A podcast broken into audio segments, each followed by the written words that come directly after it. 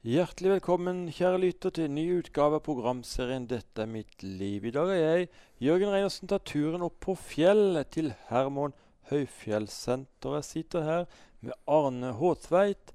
Han og kona Ruth har bygd dette fantastiske stedet opp fra bunnen av. Velkommen som gjest i Dette mitt liv, Arne. Tusen takk. Eh, Du har eh, bodd her midt mellom Oslo og Bergen på Hovet i Hol kommune i en årrekke, men det er ikke her du er født? Nei, jeg er egentlig født i Telemark, i, på Notodden. Ja, Du må fortelle litt fra barndommen din. Ja, det har vel vært en sånn barndom jeg, som de fleste i en liten industriby. Vi hadde jo jernverk, vi hadde Hydro og Ja, folk var stort sett opptatt av, av jobb. Og så eh, var min far snekker, så han eh, var litt annerledes enn de andre. De fleste av mine kamerater eh, de hadde jo foreldre som jobba i industrien på en eller annen måte, mens jeg da hadde eh, en far som drev som snekker og reiste fra sted til sted og, og snekra. Ja, snekring det har, har du også drevet på med. Ja, jeg pleier å si at jeg er jo egentlig født snekker, da. Ja. Jeg har vært med min far siden jeg var liten, og, og hadde også en liten periode i livet hvor jeg var med han og snekra. Ungdomstida, hvordan var den? Ja, den var fin, den, på, på Notodden. Jeg, jeg var så heldig at jeg, jeg hadde Ja, jeg drev jo litt med idrett, da. Jeg drev og hoppa på ski og var veldig opptatt av det til jeg var 14-15 år. Men da fant jeg ut at jeg var for tung til, til akkurat det, så da eh, ble det andre ting man var opptatt av i, i ungdomstida. Men eh, jeg hadde en fin oppvekst med Begynte tidlig å gå på søndagsskolen, var veldig glad i det. Mine foreldre var pinsevenner, men naboen var i Misjonssambandet, så jeg var med han på Yngres. Og, og ja Hadde en, en ungdomsoppvekst hvor jeg skifta litt mellom å gå i Misjonssambandet og pinsemenigheten og litt i Indremisjon. Og av og til Metodistkirken også, så, så jeg hadde en, en spennende kristen bakgrunn. Mm. Det betyr at du ble spart for sånne ting som rus? og- Ja, jeg er vel en av de få i dette landet som aldri har smakt alkohol. Ah. Aldri tatt en eh, drag av en sigarett. Men det, det var egentlig noe som skjedde når jeg drev med idrett. Da, for der var det jo veldig ofte at folk skulle ha en fest etterpå. Og jeg la merke til det at eh, når folk drakk, så ble de dummere. Og jeg har aldri hatt noe behov for å bli dummere. Så derfor så har jeg holdt meg langt unna det. Mm. I ungdomsmiljøet på, på, eh, på Geilo, der var du aktiv, og der traff du ei jente som het Ruth. Ja, det gjorde jeg. Jeg, jeg kom jo til, eh, til Skurdalen, egentlig. Hvor jeg var hos Karsten Isaksen og, og, og på leirskolen der. Og var instruktør der. Og så eh, tenkte jeg at eh, når jeg kommet opp hit, så Ja, de sa jo hjemme da at du må ikke finne på å reise opp der, for der er det tøft kristent sett. Men jeg hadde jo lest i Skriften at uh, det var en som var med alle dager og alle slags dager, så jeg hadde ikke helt forståelse for det. Men så tenkte jeg jeg må finne et sted hvor, hvor det er noe, og så reiste jeg ned på bedehuset. Og da var det samling i, i Lillesalen. Men uh, det var en veldig fin samling uh, i Indremisjonssammenheng der. Og så fikk jeg kontakt med familien Voksmyr bl.a. Og det var en spennende inngang til også, også drive med, med ungdomsarbeid. Ja, du Fortell litt om denne jenta Ruth, da. Ja jeg, jeg hadde jo et rom borte hos mora, eh, så, så jeg ble jo kjent med henne. Vi, kjente hverandre egentlig ganske lenge før vi blei sammen. Men, eh, men når vi først blei sammen, tenkte jeg at det, når jeg får tak i den dama der, så skal jeg være rask. Eh, så etter fire måneder så forlova vi oss, og fire måneder til så gifta vi oss. Og det var jo en spennende sak, for vi, det var 8. januar. Og det var iskaldt ute. Og presten var en halvtime for seint til vielsen. Så vi satt der og, og, og venta på han, og, og, og Ruth var ute i sakristiet, og der var det iskaldt. Eh, men når han først uh, dukka opp presten, da, så gikk det bra. Det var selvfølgelig Karsten Isaksen. Han hadde sagt at 'jeg må på et møte i Oslo'. Og så var det et ordentlig ruskevær. Men jeg skal vie deg, så det var jo veldig hyggelig. Fantastisk. Jeg husker faktisk talen en, en, enda. Mye av den. Eh, og, og, og det var eh, I dag, sånn, så er ordet trofast veldig sjeldent. Eh, det er stort sett brukt som et bikkjenavn. Men å være trofast er en viktig ting i et ekteskap. Mm. Du har alltid vært en driftig sjel. Allerede du var 23 år gammel, så begynte du med pensjonatvirksomhet. Ja, jeg var vel bare 21 da, men uh, det, da leide jeg en gammel fjellgård på andre sida her som heter Sveingard. Jeg drev ungdomsarbeid på Geilo, og en av de kameratene mine der han sa at det, det er en fjellgård oppe i Suddendalen Sudendalen som er til leie.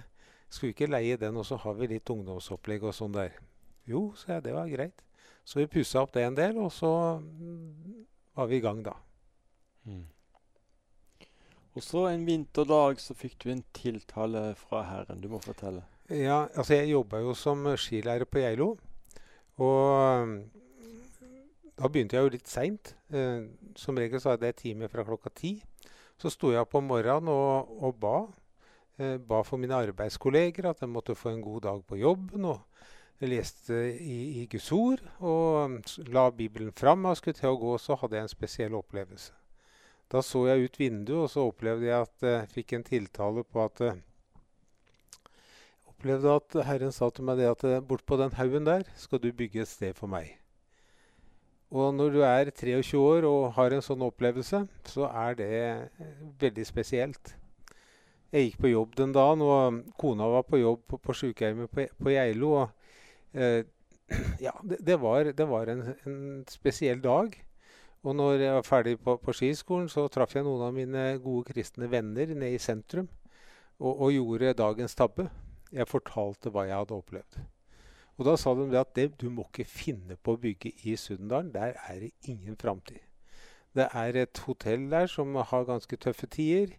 Eh, du må ikke bygge der. Du må bygge på Geilo. Her er det framtida. Eh, hva skal man med uvenner når man har sånne venner? De prøvde jo så godt de kunne å ta motet fra meg, men de klarte ikke det, altså.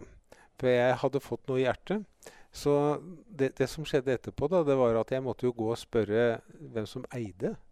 Og det var litt sånn fram og tilbake, men etter hvert så fikk jeg, fikk jeg greie på det, da. Så, så, da kom den første runden i det hele her. Mm. Jeg gikk og spurte dem, et eldre ektepar. Og, og, spurte om de var interessert i å selge ei tomt oppå her. Og de sa at ja, det kan vi være interessert i. Kom igjen om 14 dager, så skal vi undersøke med kommunen hvor mye dette er verdt. Og jeg kom igjen etter 14 dager og spurte hva de skulle ha for det.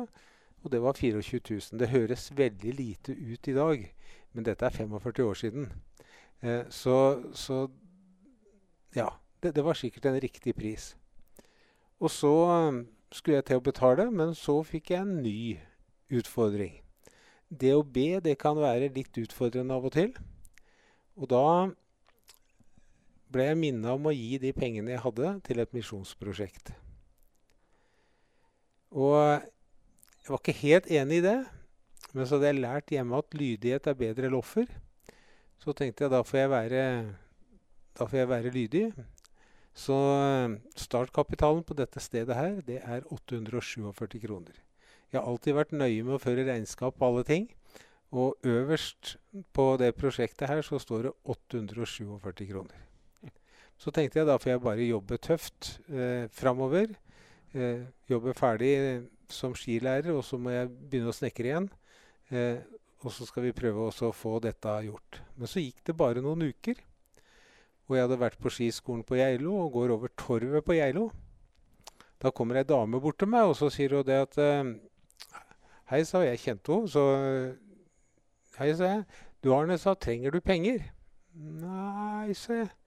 For Bibelen sier at hvis vi har mat og klær, så skal vi være fornøyd med det. Så jeg hadde jo både mat og klær. Og, og, og kone og hus å bo i og sånt, så det var ikke noe synd på meg. Nei, sa jeg, så sa hun «Eh, Trenger du penger til noe, sa hun. Ja, jeg har for så vidt Jeg gjør det, sa jeg. Ja, sa hun. Jeg har 50 000 kroner som du kan få av meg. Mm. Eh, ja vel, sa jeg. Jeg har jobba i bank noen år. Og, og sa hvor mye skal du ha i rente, og når skal du ha tilbakebetalt? Nei, jeg tror ikke jeg trenger de pengene noen gang, sa hun. Og hvis jeg trenger dem, så skal jeg si ifra i veldig god tid. Men, men, eh, og renter skal jeg ikke ha.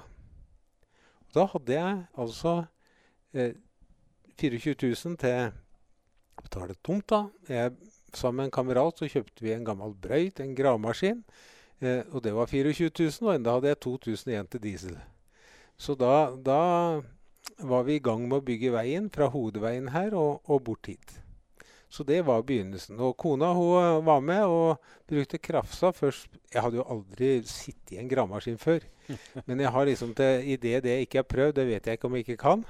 Så, så, det var spennende de første timene. Men etter hvert så fikk jeg dreis på det, og vi bygde veien da fra hovedveien og bort. Og kona gikk etter med krafsa og, og ordna til eh, finpussen.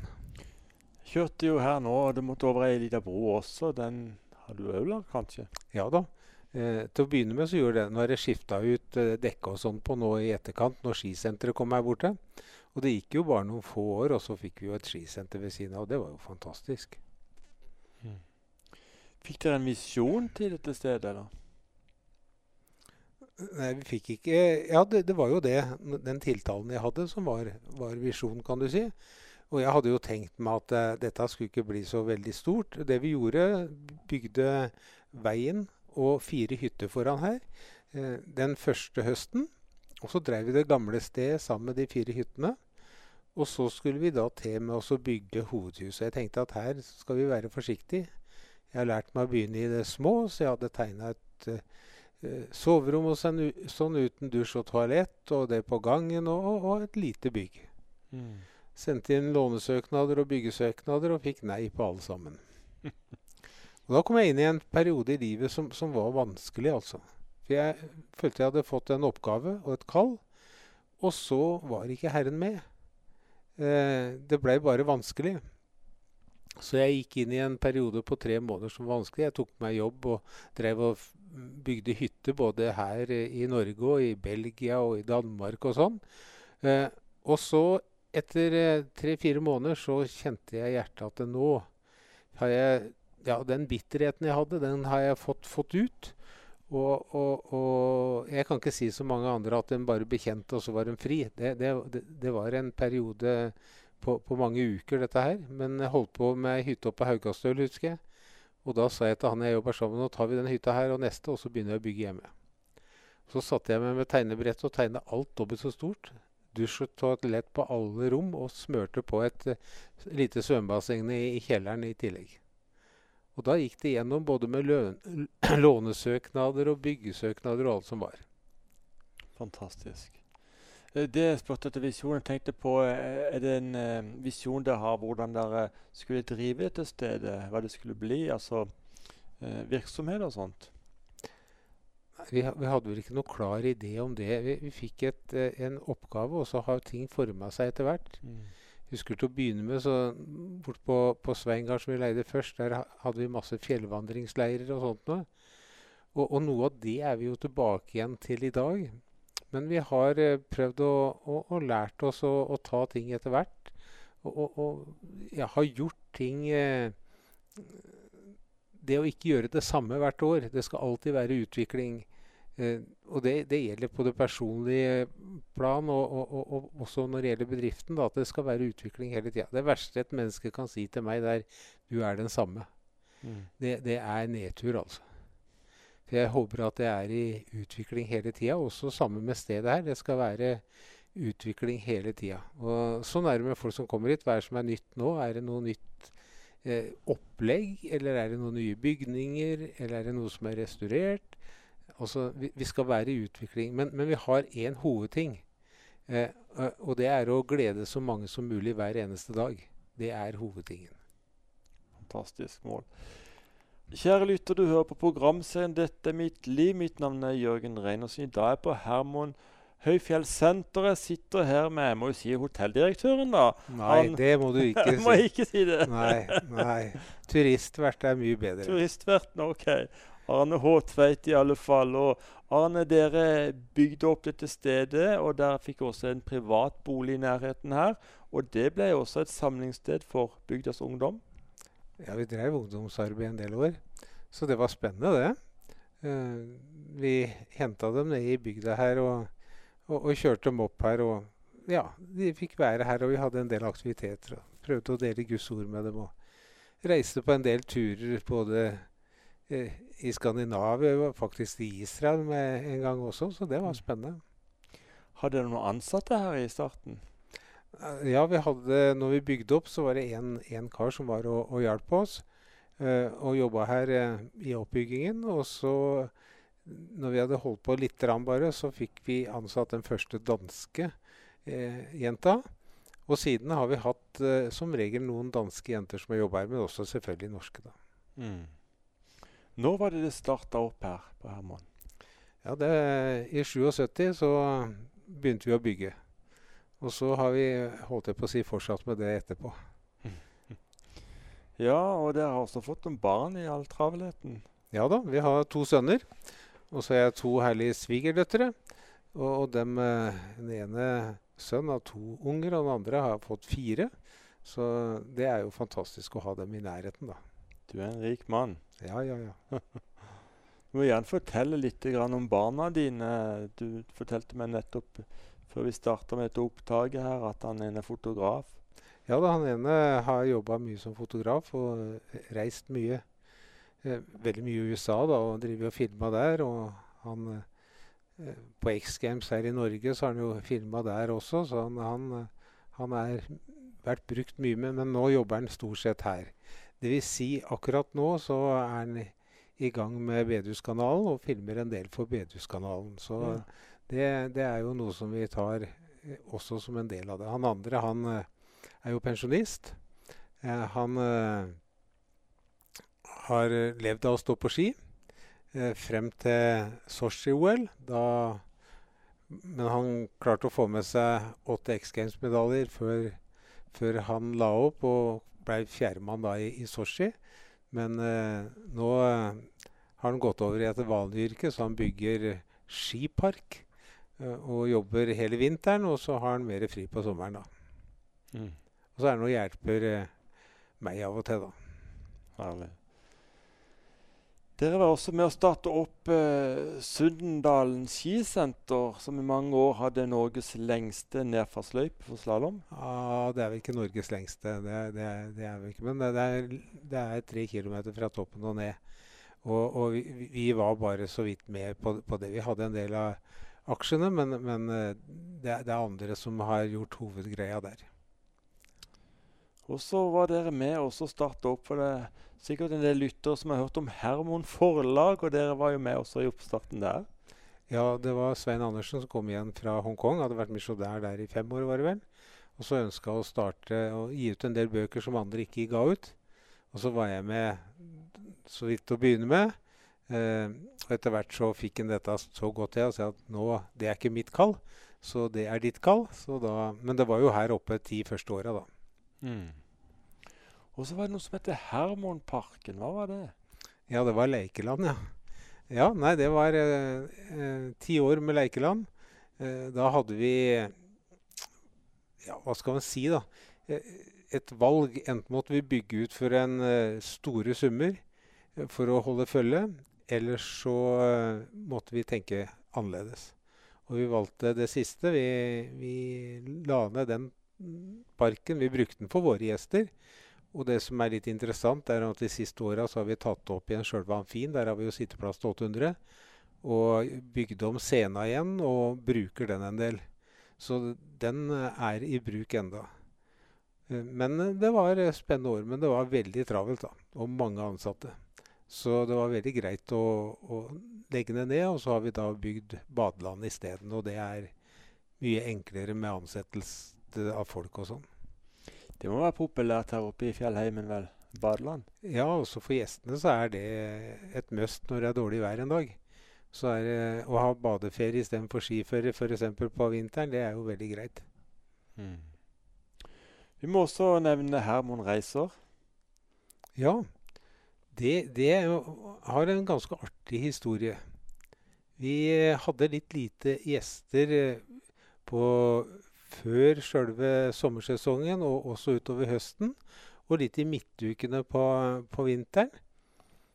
Og vi satt familien, eh, guttene og Ruth og jeg, og, og, og, og ba sammen og ba om å få en idé.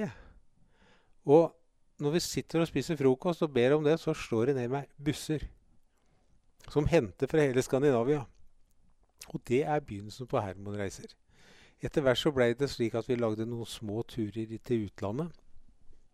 Og den første turen, det, det var eh, en av disse ungdommene fra bygda her. Han hadde flytta til Tyskland. Og vi hadde en tysklandstur. Og så var det en hollandstur. Og i dag har vi reiser over hele Europa stort sett. Spennende. Er det sånn at dere også da har turer opp her? Henter Ja da, vi, vi henter jo i hele eh, Skandinavia. Dvs. Si Danmark har vært mindre av de siste åra, men, men Sverige henter vi en del. Og så er det fra forskjellige steder i Norge da, som vi har henteruter og kjører opp hit. Og så har de en fem-seks dager med opplevelser med utflukter. Vi, vi, er jo veldig nærme en av Norges største turistattraksjoner, Flåm og Auland. Som, eh, så, så, det er jo bare en halvannen time å kjøre herfra. Ellers er det jo inne i fjellet mye da vi, vi lager opplevelser. Så, så, vi er jo ikke først og fremst et vanlig hotell, men vi, vi er et opplevelsessenter, kan du si. Mm. Så har dere også noe som heter Panorama skihytte. Hva er det? Ja, i 99 så kjøpte jeg tomt oppå en topp bak her, og, som ligger på ja, 1050 meter ca. Og bygde et sted hvor folk kan gå til da på, på vinteren på ski. Eh, med utsikt over Skarvaheimen. Så det ligger jo veldig flott, det. Så det, det, har blitt en sånn fin turistattraksjon. Og ved siden av det så har vi bygd en sånn bitte lita hytte. Så det er, det er, min hytte. Det er 3,5 ganger 3 meter. Mm. Og der elsker barnebarna å være med opp. Herlig. Og når jeg kom eh, kjørende her i dag, så sto det skilt til Skibyen. Ja, det er riktig. Eh, det begynte vi egentlig med i, i, i 2000. Eh, men det var litt trøbbel med å få godkjenninger og sånn, så vi, det ble først 2002 vi bygde den første hytta. Det er et langrennsstadion og et eh, ja, skileikområde med big jump osv. Så sånn, som er et aktivitetssenter på vinteren. Og på sommeren så er det fotballbane og sandvolleyballbane og tennisbane og sånne ting der nede. Og alt dette her liksom du bare kom på etter hvert, eller åssen har det blitt til? Ja, det kan du si. Kona sier at jeg har popkornhjerne. Så da popper det opp et eller annet, ja. Ja, det har lett for det. Mm. Så sønnene sier at du må ikke ha for lenge fri av gangen, for da kommer det med et nytt prosjekt. Men, eh, men skibyen har vært uh, veldig fin å, å ha. For der eh, har vi solgt en del av hyttene, og så leier vi ut for folk når, vi, når de ikke bruker sjøl. Og så har vi til de, de større konferansene på, på Gladsang og Fjellgospel og sånt noe, så, så, kan vi jo ta opp i ja, 200 nede i konferansesalen. Så, så, da er det veldig greit å ha det ekstra. Det har vært litt spesielt kanskje en periode nå, men, men eh, nå tror jeg at det, det blir spennende å, å kunne åpne igjen. Mm. Det har jo vært en rivende utvikling her oppe, det må en bare si. Men eh, eh, hva har vært mest utfordrende i disse årene?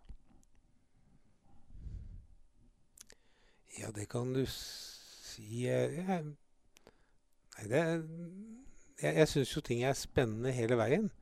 Så det er vel mest på det personlige plan å, å kunne være i utvikling hele tida. Og hvis det er på plass og, og sånn, så er det Jeg jo, er jo velsigna med barn som er opptatt av Guds rike og, og, og Ja. Så, så, det er det å være i utvikling hele tida. Og så syns jeg jo det er spennende å skulle formidle evangeliet. Jeg, jeg har jo mye av året så, så taler jeg to ganger om dagen. Både formiddagssamling og kveldssamling. Så det å være i utvikling på det og treffe de rette tinga, det er, eh, det er vel det som er den største utviklingen. For hvis vi ikke klarer å glede mennesker, så, så har vi mislykka. Mm. Mm. Så du har aldri vært inne på tankene om å gi opp? liksom Du har aldri vært der? Eh, og det, I korte perioder, men det er snakk om sekunder stort sett. da. Du hører på programsendet til Mitt liv. Mitt navn er Jørgen Reinersen. I dag besøker jeg Arne Håtveit, som er dagens gjest, og sitter her på Her Hermonhøy fjellsenter. Et helt nydelig steg som du absolutt må ta en tur til. Eh, Arne, for eh, noen år siden så havna du i en bilulykke. Ja, det, jeg kom kjørende og ante fred og ingen fare. Så kom en trailer over i feil kjørebane og knuste både bilen og meg. Eh, da, det var en uh, opplevelse som uh, jeg håper ikke altfor mange får oppleve. Men da opplevde jeg å, som jeg hadde hørt andre har gjort, da, og svevde over uh, ulykkesstedet og så ned på bilen. Men så tenkte jeg at oi, jeg kan ikke la Rutemor bli igjen med hele dette greiene og alt dette aleine. Jeg må prøve å komme meg inn i denne kroppen igjen. Så jeg, jeg, kom meg inn i kroppen og våkna når det var en eh, traktorkar holdt jeg på å si, med grønn dress som sto ved siden av meg og banka febrilsk på ruta. Han hadde jo sett at det står ikke så bra, bra til. Men eh, hell i uhellet så var det at eh, legehelikopteret holdt på med øvelse rett over der. Så det tok to minutter før legen kom. Og eh, da hadde de jo slått hull på, på ruta på den sida, da. Eh, jeg vet ikke om det var knust fra før, men det eneste jeg husker, det var at legen sa 'få armen din'. Du skal aldri gi armen til en lege, altså. Siden huska jeg jo ingenting. Eh, før jeg våkna i helikopteret på, på, vei til Ullevål. Så vidt at en lege jobba veldig intenst over meg. Og så sovna jeg på igjen, og våkna først på Ullevål, da på intensiven der. Og eh, da følte jeg meg nok ganske oppbrukt. Så hadde jeg knust hele brystkassa og ja, fått noe nakkeskader og Ja, det var mye gærent. Eh, men eh, jeg overlevde. Mm. Ble det langtidsvirkninger etterkant, da? Ja, altså dette er mange år siden, og jeg fikk jo veldig dårlige forhåpninger av legen der, da. Han, eh, det som de var glad for, det er at jeg ikke var lam. Men jeg har jo en del prolapser i nakken bl.a. som ikke kan opereres. og har en del langtidsvirkninger, men jeg, jeg har klart meg ganske bra. Mm. Så i dag har du ikke så mye ettervirkninger, eller? Jo, altså det er ikke noe som Det er bare å løfte tungt, så har jeg jo vondt. Men, men jeg har valgt heller å glede meg over det jeg kan gjøre, istedenfor mm. det jeg ikke kan. Og det tror jeg det er mange som har hatt det mye verre enn meg etterpå. I forhold til de forhåpningene jeg fikk, så har det gått veldig bra. Mm. Jeg tror det er en nøkkel det er fokus på det man kan klare. um, dere har jo stadig større grupperinger, og dere arrangerer vel også kurs her på, på, på Herman Høyfjellssenter? Vi har i hvert fall en del som, som har kurs hos oss. Det, det, vi gjør best, det er jo eh, familieuker. Eh, vi har fjellvandring, vi har eh, fjellgospel. Sånne ting gjør vi. Og så har vi disse ferieukene da, som vi har opplegg eh, morgen og kveld. og ja, vi, vi har vel litt sånn uh, løs snipp. Altså Når folk spør om jeg, er det møter hos dere, så må jeg dra litt på det. Mm. Uh, for, uh, for, oss er det Vi har jo en del kirkefremmede, som jeg velger å kalle dem. Og da er humoren den enkleste delen å, å komme inn til mennesker i hjertet på. Så, så, humor er nok en, en, del av det jeg jobber med også. Mm. Eh, for å, å, å, prøve også å ha humor som, som er rein, men som, som, så folk får slappe av. Mm. Ja, hvor viktig er dette med kristen profil for, for dere som driver senteret her oppe? Det er to ting som er viktig. Det, det er eh, alkoholfritt og humørfylt. Eh, de to tingene er sammen. Og så er det selvfølgelig det kristne budskapet. Jesus sa at 'jeg har kommet for at dere skal ha liv, og overflod av liv'. Jeg liker en annen oversettelse. Den syns jeg er knallbra. 'Den slags liv som gir overflod'.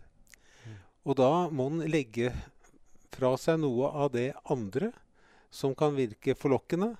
Og så må en eh, komme inn i det livet som har en helt annen lengde det andre. Jeg, jeg, eh, har en del eh, program hvor jeg kjører fire spørsmål. Hva er det mest verdifulle i ditt liv?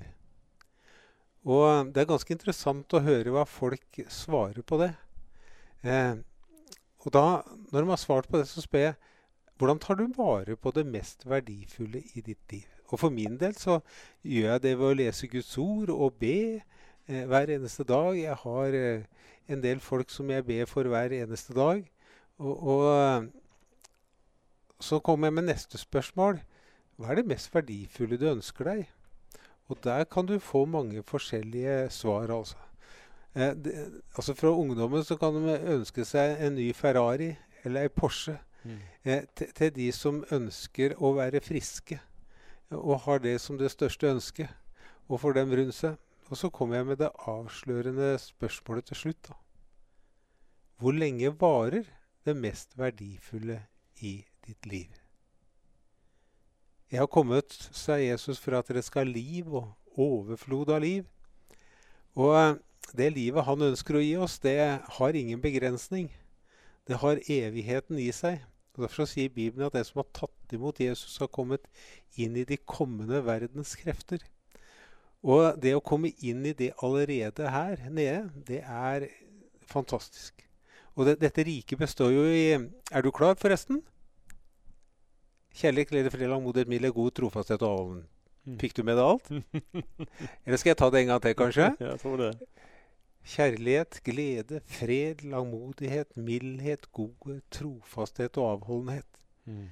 Og det, det, det, å komme inn i den slags liv, den har en port inn. Og den porten, den heter Jesus Kristus. Mm. Og ved å ta imot Han og Guds nåde, så har vi adgang inn i et helt nytt liv. Og så sa Jesus at 'å se jeg med dere annenhver dag inn til verdens ende'. Nei, han gjorde ikke det. Han sa å se jeg med dere alle dager, og alle slags dager. Og det å kunne regne med det hver eneste dag, det er et kjempeprivilegium. Mm. Så det klarer jeg å glede meg over, håper jeg, hver eneste dag. Så om andre ting, omstendighetene, kan være litt vanskelige, så ligger det der. Og så er det denne drivkraften da å kunne glede folk hver eneste dag. Og det kan være med helt vanlige jordiske ting, og det kan være med humor. Men den største gleden jeg kan gi videre, det er det som englene sa på marken. En stor glede skal vederfares all folket, sto den gamle oversettelsen. Og denne gleden er nok det jeg elsker mest av alle, å kunne få lov til å gi videre. Mm. Nydelig. Det var en herlig hilsen du kom med der. Eh, kan du også tenke deg å be en bønn for de som eh, lytter på dette programmet? Himmelske Far, takk at du er nærværende overalt. Og du er nær hos hver enkelt som hører på nå. Og hver enkelt er, er vi elsket av deg, er i ditt hjerte. Og nå takker vi deg for at vi kan legge hverandre i dine hender. Og takke deg for at du er nær, og du eh, møter hver eneste en som søker deg. Takk at du gir liv og overflod av liv. Amen. Amen. Helt til slutt, Arne. Har dere en ny plan, og du kan røpe her for Herman Høyfjell senter? Nei, hvis du tar meg akkurat nå, så holder jeg på med en ny prekenserie om Daniels bok. Eh, så det har jeg holdt på med de siste dagene. Og så er det jo slik at vi er involvert noe i en kristen TV-kanal. Bedehuskanalen. Og det blir lagd en del program i fjellet her eh, som eh, håper vi kan eh, gi folk eh, opplevelse av både fjell og, og de fire spørsmåla som jeg hadde i stad. De kommer til å gå igjen i, i, masse av disse intervjuene. Så vi tar med en del folk på lange fjellturer. Og så blir de intervjua underveis. Og så gjør vi en del på, på sang- og musikksida, som vi spiller inn her oppe. Og så får vi se veien videre det, er, det, er, det som ligger foran akkurat nå, som er spennende. Mm. Arne Håtve, hjertelig tusen takk skal du ha for å takke ja til å være gjest i dette programmet. Må Gud rikelig velsigne deg, din familie og ditt virke her på Herman Høyfjell senter i årene fremover. Takk skal du ha. I like måte. Kjære lytter. La meg som en avslutning av dette programmet komme med en hilsen til deg. Du er høyt elsket av Gud. Du er unik. Det finnes bare én som deg. Når Gud skapte deg, så var det med en hensikt og en plan for ditt liv. Men Bibelen taler tydelig om at alle mennesker har syndet og har behov for å få tilgivelse for sine synder og å omvende seg. Deretter så er det naturlig å starte vandringen i Guds ferdiglagte gjerninger. I Johannes evangelium kan vi lese fra vers 16 i kapittel 3. For Gud har elsket verden så høyt at han gav sin eneste sønn for at alle som tror på ham, ikke skal gå fortapt, men få evig liv. For Gud sendte ikke sin sønn til verden for å dømme verden, men for å redde verdens mennesker. Den som velger å tro på ham, kommer ikke til å bli dømt, men den som ikke tror på ham, har allerede en dom som venter, fordi han valgte å ikke tro på Guds eneste sønn. Disse menneskene har ikke skjønt at redningen ligger i troen på Jesu navn. Om du ønsker å invitere Jesus inn i ditt hjerte i dag, kan du be denne bønnen etter meg. Jesus, jeg kommer til deg nå slik som jeg er. Tilgi meg for mine synder. Jeg omvender meg og tar imot deg som min Herre og Frelser i livet.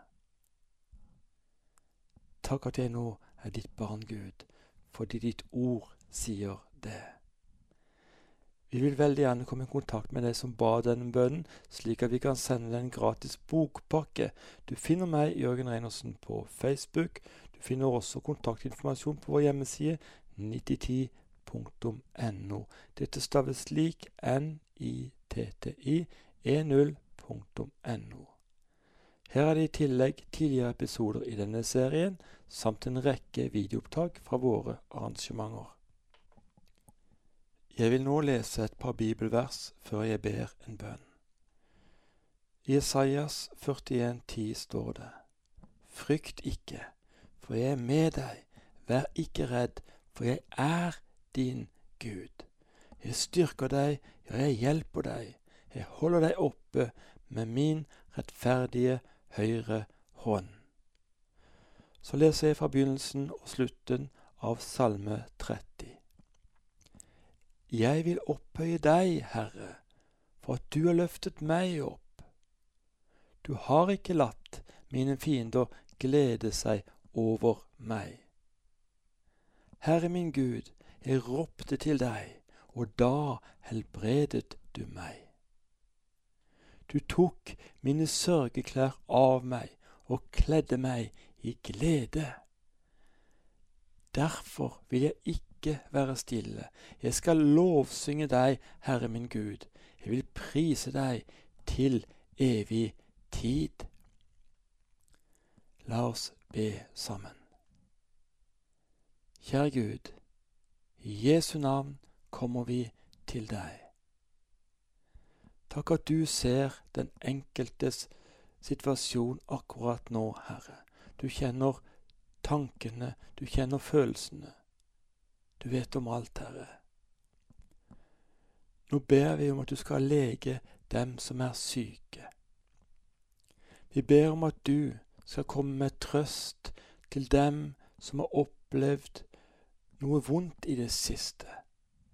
Vi ber om at du kommer med håp til dem som er rådløse og motløse. Vi ber om at din kjærlighet og varme skal komme til dem som trenger en berøring av deg, Herre.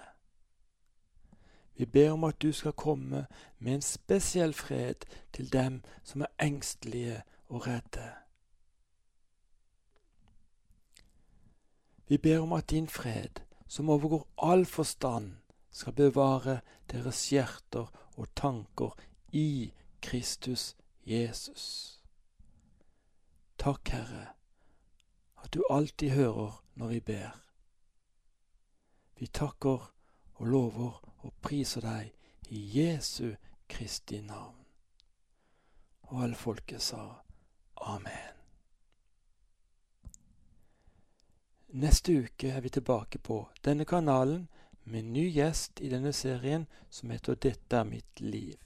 Inviter gjerne noen på en kopp kaffe til den anledningen.